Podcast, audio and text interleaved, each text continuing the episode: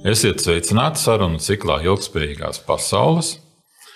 Mani sauc Kārlis Valters, un manas sarunu biedras ir Vivita Priedniece, pētniece un doktorante.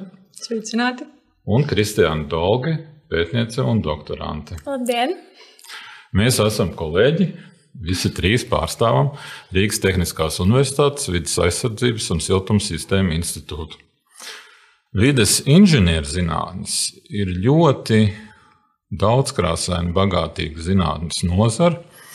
Un arī mūsu institūtā ir pārstāvēts plašs dažādu zinātnisko pētījumu spektrs. Ir daudz dažādu pētījumu ilgspējīgā enerģētikā, par energoefektivitāti, ir pētījumi par bioresursiem, bioekonomiku, ir pētījumi par ir biosistēmu laboratorija, kur tiek veikti pētījumi ar mikroorganismiem, ir laboratorija, kurā tiek veikti pētījumi ar mikroaļģiem, ir pētījumi par izturētspēju un vēl citi pētījumi. Šodien mēs ilustrācijai pastāstīsim par dažiem no pētījumiem, kas tiek veikti mūsu institūtā. Vivita, lūdzu, pastāsti, tev ir divi virzieni, par kuriem tu varētu pastāstīt šodien. Varbūt sāc ar vienu termoiepakojumu vai miglas aparātu pēc izvēles. Sākšu laikam ar termoiepakojumu, jo tas ir arī viens, kas arī tagad ikdienā ir īpaši aktīvs.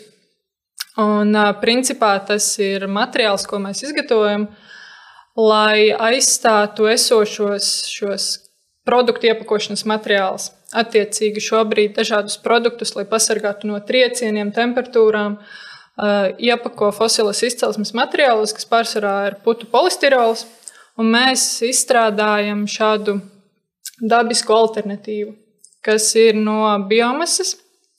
Un tieši vairāk no biomasas atlikumiem, kas nāk no meža strādes un arī no lauksaimniecības, un attiecīgi arī saturam viņus, viņus kopā ar dabiskas izcelsmes izaivielām.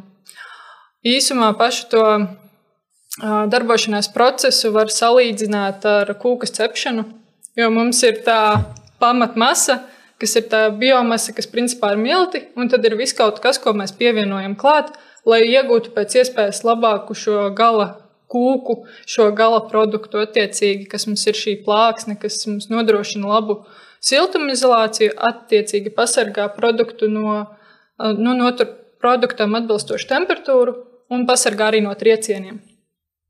Un, nu jā, principā, tā, kā jau minēju, tas ir kā kūkas cepšana, jo nu, mēs sajaucam šīs dažādas sastāvdaļas un meklējam šo labāko recepti, lai attiecīgi nodrošinātu esošie, tirgu esošajiem produktiem atbilstoši šo aizstājēju, kas attiecīgi neradīs šo kaitējumu vidē.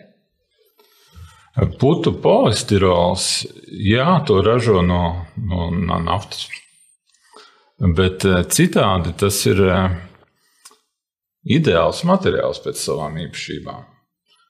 Kas ir polimēra ķīmija, tā tad ir attīstīta 50 vismaz gadu laikā, un tas ir panākts optimālākais risinājums. Cik grūti ir konkurēt ar to, ar, ar materiālu no bioresursiem? Nu, sākumā tas bija likās neiespējami. Nu, ka, principā, kad uzsākām šo darbu, jo tas ir atrast, kurš materiāls vispār varētu labāk derēt, kurš varētu nodrošināt šīs līdzīgas īpašības, būt puslīdz nu, tāds atbilstošs. Bet nu, šajā izpētes posmā, izmēģinot dažādus šos biomasas variantus, dažādas kombinācijas, tas kļuva arvien reālāks un reālāks. Nu, arī rezultāti, tie eksperimentālie mērījumi, ko mēs noteicām šiem materiālam, tieši parādīja to, ka tas ir iespējams. Mēs varam konkurēt ar to, kas jau ir tirgū. Ja mēs skatāmies arī uz siltumizolāciju, mēs varam konkurēt arī ar akmens vati. Uh, kas ir viena no plašāk izmantotajiem tieši siltumizolācijas materiāliem. Um, protams, kad bija brīži, kad to apstājies, nesaprotu, ko iesākt. Un uh, tajā brīdī, kas man īpaši šajā projektā vienmēr ir paticis, ir tas, ka bija iespēja atļauties darīt kaut ko ne pēc plāna, kaut ko uz sajūtām. Un bieži vien tieši šī ideja uz sajūtām bija tā, kas sniedza rezultātu un ideju pareizajā virzienā. Mm -hmm. Tā kā ko pamainīt, ko pielikt klāt un tam līdzīgi. Mm -hmm. Paldies! Kristiāna, kāda ir tava pētījuma? Tie nav eksperimenti laboratorijā, tas ir kaut kas cits. Pastāstiet, Jā, man ir mazliet citādāk tā pētniecības ikdiena, bet uh, Bet nemazāk svarīga. Es vairāk pētu energoefektivitāti un enerģētikas politiku, un tas izpaužas ne tik ļoti kā pētījumos laboratorijā, bet tieši matemātiskajā modelēšanā.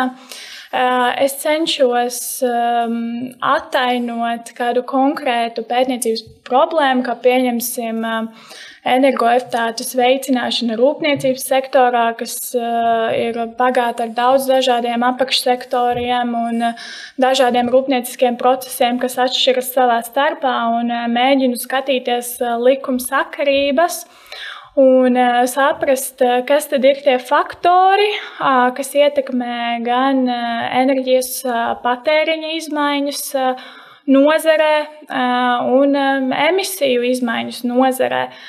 Skatos šos jautājumus gan nozaru līmeņos, gan nacionālā valsts līmenī un salīdzinājumā, protams, ar citām Eiropas valstīm, lai meklētu līmeņa atzīmes, lai meklētu iespējas izaugsmēji, meklētu, kas tad ir mūsu stūrakmeņi un tā pašā laikā virzītāji spēki. Tad tu strādā ar modeļiem, tu izstrādā Tieši modeļus, tā. kas apstra, ap, ap, apraksta realitāti, un Jā. ja tas ir labs modelis.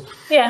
Tad tas spēja arī paredzēt. Tieši tā, tas ir uh, modelis. Uh, principā tā mērķis ir uh, attainot reālo situāciju.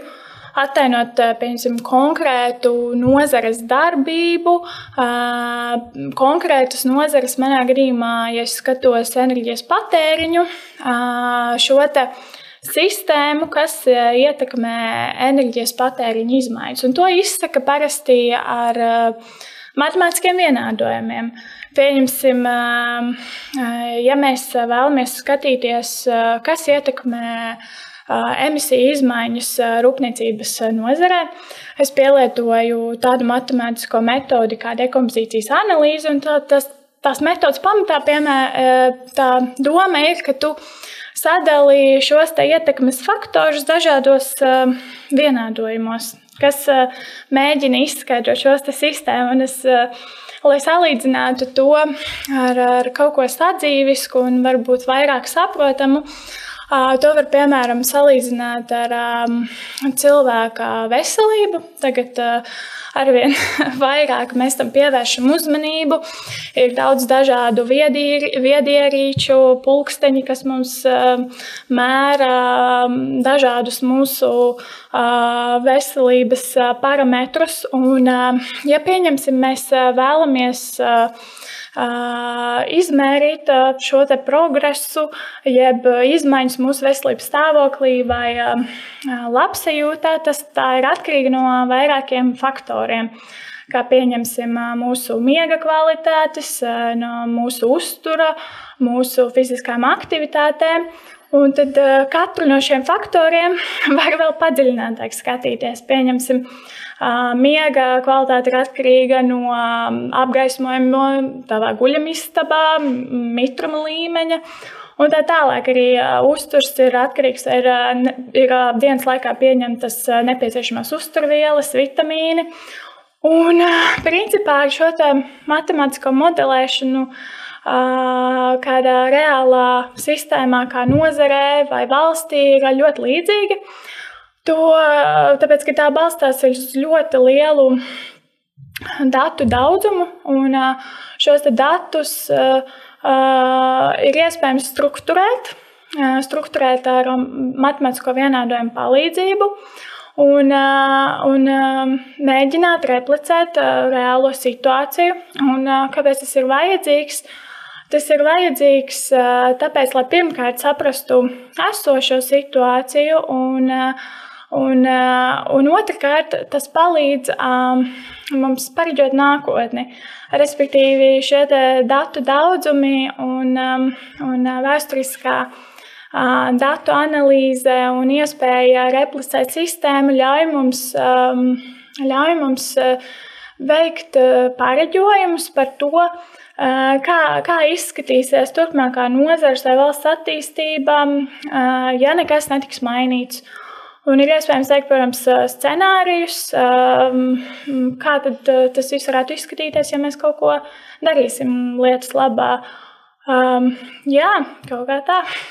tā tad uh, varbūt varētu teikt, ka nākotnē netiek zilēta kafijas biezumos, bet uh, nākotnē var redzēt matemātiskajos vienādojumos. Tieši tā. Um, nākotnē netiek zīmēta matemātikas, netiek zīmēta kafijas biezumos, bet nākotnes pareģošana balstās uz datu analīzi, uz uz sakarībām, kas tiek novērotas vairāku vēsturisku, um, vēsturisku datu kopās. Ir, mēģinā, ir mēģinājumi saskatīt dažādas šīs miedarbības un tendences. Un, balstoties no tā, tiek izstrādāti algoritmi, lai saprastu, kāda būs tā nākotne. Labi, paldies!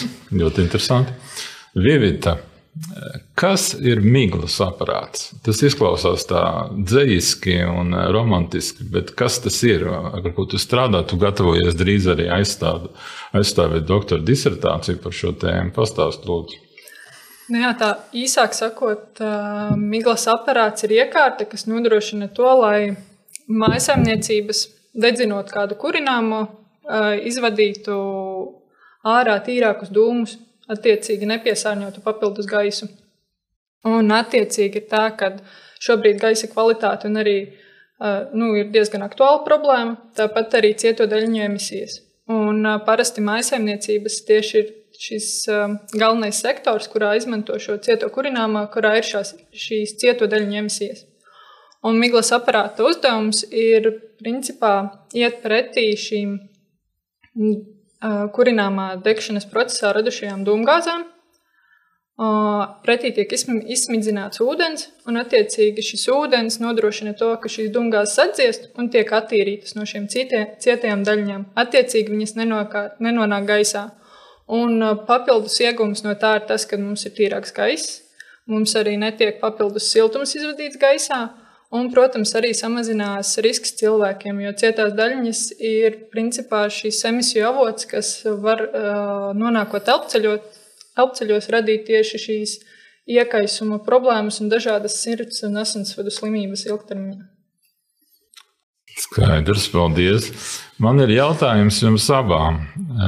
Kas vai jūs domājat, un, ja jā, tad cik bieži jūs domājat par to labumu, ko jūsu pētījumi dod vai dos sabiedrībai nākotnē? Ja, nu, manuprāt, um, tā burvība tieši vidas inženierzinātnē un uh, lai tie būtu uh, laboratorijas pētījumi vai tāpat matemātiskā modelēšana, ir um, tā spēja kaut ko ietekmēt. Un šajā gadījumā ir uh, klimata pārmaiņas, kas ir viena no visbūtiskākajām mūsdienu sabiedrības eh, globālajām problēmām. Un, eh, ja tu esi tas, kurš eh, tiešām iegūst jaunas zināšanas šajā sfērā, rada inovācijas un virza mūs tuvāk, radīt kaut kādus jaunus materiālus vai palīdz saprast esošo situāciju un saprast tos nākotnes virziens, uz kuriem būtu jāvirzās, lai tad mēs censtos samazināt šīs mūsu radītās CO2 emisijas un vispār cilvēku darbību radīto ietekmi uz vidi. Un, jā, es par to domāju, un, un manuprāt, tā ir tā burvība šajā pētniecības darbā, jo tu strādā ar reālām kritiskām problēmām, un, un tā ietekme, protams, manā gadījumā matemātisko modeļu ietekme man pētniecības rezultāti savā ziņā atvieglo lēmumu pieņemšanas procesu politikas veidotājiem, kas ir tie, kas principā balsta tos savus lēmumus, lai tad mēs nākotnē virzītos uz šo ilgspējīgāku mūsu gan valsti, gan vispār um, zemeslodi. Kaut kā tā. Nē, šajā gadījumā es piekrītu Kristiānai, jo tā arī ir, kad uh, mums ir šī iespēja mazināt tās problēmas, ko laika gaitā cilvēki paši ir radījuši. Attiecīgi, galvenokārt, jā, tās ir klimata pārmaiņas un uh, tieši Īpaši termoiepakojuma gadījumā patiesībā es aizdomājos par to, cik daudz no šī materiāla nu, tādā ziņā ir iespējams aizstāt un kādu iegūmu tas var dot, ka mums būs nevis šie putu polisterāla materiāli, bet biomasa, kas pēc tam var dabā arī mierīgi sadalīties un būt, kalpot kā mēslojums, nevis kā kaut kāds papildus piesārņojums. Un, tas, ir tā, nu, tas ir iegums jebkurā gadījumā. Un, uh, Tas ir tāds arī, kas liek domāt par ikdienu apkārt. Jo nu, man, pieņemsim, arī skatoties mājās, um, laukos ir uh, apkures katls, kurā tiek degu, dedzināta šī cietais biokurināmais attiecīgi. Un, uh, tur var redzēt, nu, jā, ka tur tas piesārņojums no viņa rodas. Un, uh, ja es varu izstrādāt iekārtu, kas to mazinās, tad man pašai būs komforts dzīvot nu, tādā sev apkārt tīrākā vidē. Es zinu, ka es uzlaboju sev ikdienu, un es sniedzu arī iespēju citiem uzlabot šo savu ikdienu. Un, ja mēs visi sākam dzīvot uh, videi draudzīgāk un ieviešam ikdienā šos uzlabojumus, tad jau arī kopumā šī situācija mums apkārt uzlabosies. Kādām īpašībām būtu jābūt zinātniekam, zinātniekam kā jūs domājat? Vai ir tā, tas, tā stingri noteikts, ka šis cilvēks var būt zinātnieks un tas noteikti nevar? Nu, Manā gadījumā es uzskatu, ka mm, ir jābūt tādam ļoti patiesībā daudzpusīgam un ir jāmāk paskatīties mm, uz lielo bildi. Jo zinātnē, protams, ir ļoti svarīgi, ka tu specializējies savā konkrētajā pētniecības izpētes objektā un tu um, konkrēti kļūsti par uh, kādu profesionāli tajā sfērā. Uh, bet nu, es uzskatu, par ko varbūt netik bieži um, runā, manuprāt, ir uh, jāmāk to um, uh, pirmkārt nokomunicēt plašākai sabiedrībai. Uh, um, pastāstot par to pētniecības problēmu un kāpēc tā ir aktuāla.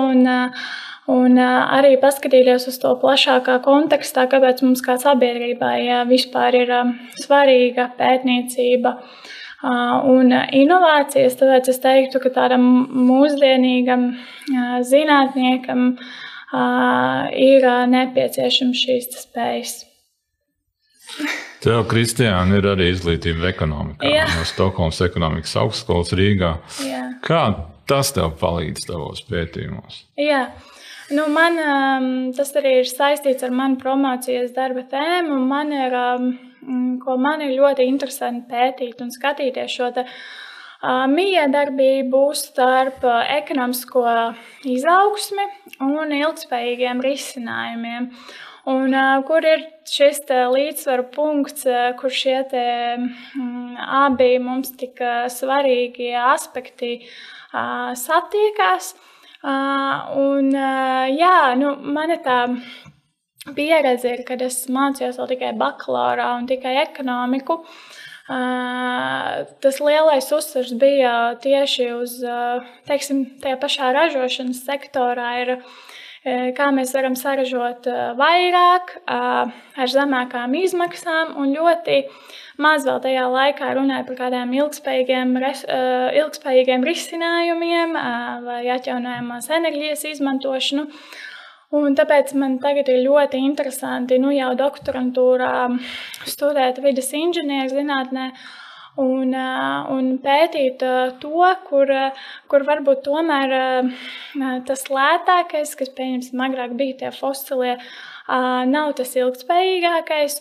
Un patiesībā ilgtermiņā tie ekonomiskie ieguvumi neatspēkos tik ļoti tās izmaksas, kas patiesībā rodas mums kā sabiedrībai no neilgspējīgāku risinājumu ieviešanas, gan arī turpmāk pašiem uzņēmumiem. Tas vairs nebūs izdevīgi. Un tāpēc man ir ļoti interesanti vienkārši skatīties, kā tas viss mainās laika gaitā. Un cik svarīgi tomēr ilgspējas jautājumos ir skatīties gan uz ekonomisko izaugsmi, gan uz vidas un sociālajiem aspektiem. Tāpēc, ka viens bez otrā nevar pastāvēt, un, un tas ir ļoti svarīgi um, to ņemt vērā. Mm -hmm. Vivita, tu esi doktorantūras finiša taisnē, tā var teikt. Jā. Atskatoties atpakaļ, kā, kādi ir bijuši šie gadi? Kā, vai ir bijušas kādas krīzes, vai ir bijis kaut kādas grūtības, kas jāpārvar, un, un kas tev ir palīdzējis tikt pāri? Atskatoties, jā, pēdējā laikā patiesībā es pieķeru sev pie domas, ka es diezgan daudz atskatos uz to, kas ir bijis un kādi šie ir ieguvumi un kā, š, kā es esmu tikusi līdz kurienei es esmu. Un um, nav bijis viegli, uh, viennozīmīgi. Ir bijuši brīži, kad likās, ka viss, es vairs nevaru. Uh, bet uh, tajos brīžos vienmēr uh, viens es pati apsēžos un uh, padomāju par to, kā, uh, nu, ka tas ieguldījums uh, gan šajā darbā, gan izpētē ir bijis tik liels, ka es negribu vienkārši to tā atstāt. Bet otrs, kas vienmēr palīdz, ir um, nu, apkārt esošie cilvēki, tā sava atbalsta sistēma, kas man galvenokārt ir dzīves biedrs, kurš arī darbojas zinātnē, bet citā lauciņā. Jā. Un tad mums ir bieži ķīmijā, ja? galvenokārt ķīmija, fizika. Jā. Un tad mums bieži vien ir diskusijas par sasāpējušajām tēmām savā starpā, bet tā kā mēs esam dažādās nozarēs, tad mēs bieži vien palīdzam saskatīt varbūt to, ko otrs ir palaidis garām, un atrast tādu jaunu impulsu turpināt. Un, uh, tas ir viena no lietām, kas man ir ļoti palīdzējusi patiesībā nu, izpētē vispārīgi. Jo visā, visos gan eksperimentālajos pētījumos, gan vispārīgajos pētījumos vienmēr ir bijis tāds punkts, vismaz man, kad liekas, ka visas, es ne, man vairs nav ideju, es vairs nezinu, kā turpināt, ko darīt tālāk. Un eh, šajos brīžos, kad jā, mums eh, darbā ietvaros tas palīdz, tas, ka mēs strādājam parasti komandā, un vienmēr ir cilvēki, kuriem ir dažādas šīs um, apakšzināšanas, dažādas šīs pamatnozares, no kurām viņi nāk. Un, attiecīgi, šis svaigais skatījums uz to problēmu vienmēr sniedz ideju, iedvesmu turpināt. Par zinātnīs komunikāciju. Droši vien piekritīsiet, ir ļoti svarīgi ne tikai veikt zinātniskos pētījumus, bet arī stāstīt cilvēkiem par to, kāds tieši labums viņiem ir no, no, no tā, ko veic zinātnieki. Kā jums šķiet, no jūsu pieredzes, cik grūti vai viegli ir runāt par zinātnē ar, ar cilvēkiem, kuriem ikdienā ir profesionāli citās jomās, nav zinātnieki? Kristiāna. Tas noteikti ir sarežģīti, jo ikdienā mēs tomēr vismaz darbā mēs komunicējam ar kolēģiem, kas um, lielākoties uh, aptuveni orientējas um, um, tādā konkrētajā pētniecības uh, jomā vai tajās pašās vidas zinātnēs, un tad ir um, mm, teiksim, vieglāka saprašanās. Bet, uh, uh Šī informācijas sniegšana cilvēkiem no citām jomām, manā gadījumā arī manai ģimenei vai kādiem draugiem, Un vispār vispārējai sabiedrībai ir sarežģīti, jo ir jāpiedomā, kā tu vari vienkāršāk un teiksim, tādā sadzīviskākā un saprotamākā valodā izstāstīt to, kas slēpjas aiz tiem visiem vienādojumiem un tām vairākajām publikācijām, jo nu, tikai tā jau var sasniegt, sasniegt to lielāko ietekmi no sava darba. Jo, jo ja tiešām ir tā vēlme radīt pārmaiņas, tad tās pārmaiņas būs tikai tad, ja tā sasniegs lielāku auditoriju. Un ja vairāk cilvēki sapratīs tās problēmas kritiskumu, un, līdz ar to ir jā, jāmēģina stāstīt vienkāršāk, mēģināt salīdzināt ar kādiem tiešām sadzīviskiem piemēriem un, un kaut kādā tādā veidā raisīt šo aktualitāti par jautājumiem, ko mēs pētām šajā pētniecībā. Jā. Es piekrītu tādā ziņā arī Kristiānai, ka tas ir izaicinājums vienmēr pastāstīt uh, vienkāršiem vārdiem, ko tu dari. Nu, tev aizraušanās ir teātris. Jā. jā. Un, Tātad tu pati nevis skatīties teātrī, bet spēlēt teātrī. Kā tas tev palīdz eh, empātijas ziņā, teiksim, iejusties klausītāju lomā, ko tas otrs cilvēks saprot, nesaprot? Nu, tur jau tā lieta, ka tas man šeit man palīdz vieglāk saskatīt, kad es runāju pārāk sarežģīti citreiz. Jā. Un tas palīdz atrast to veidu vai uztvert, pieņemsim, kādu to atslēgas vārdu, atslēgas punktu, kas man varētu palīdzēt tieši paskaidrot šo situāciju šos, un arī šo pētījumu vienkāršāk. Jo, pieņemsim, jā, es arī esmu stāstījis teātris biedriem, kur mēs katrs esam katrs savā nozarē, un zinātnē nu, īpaši daudz tur mēs neesam.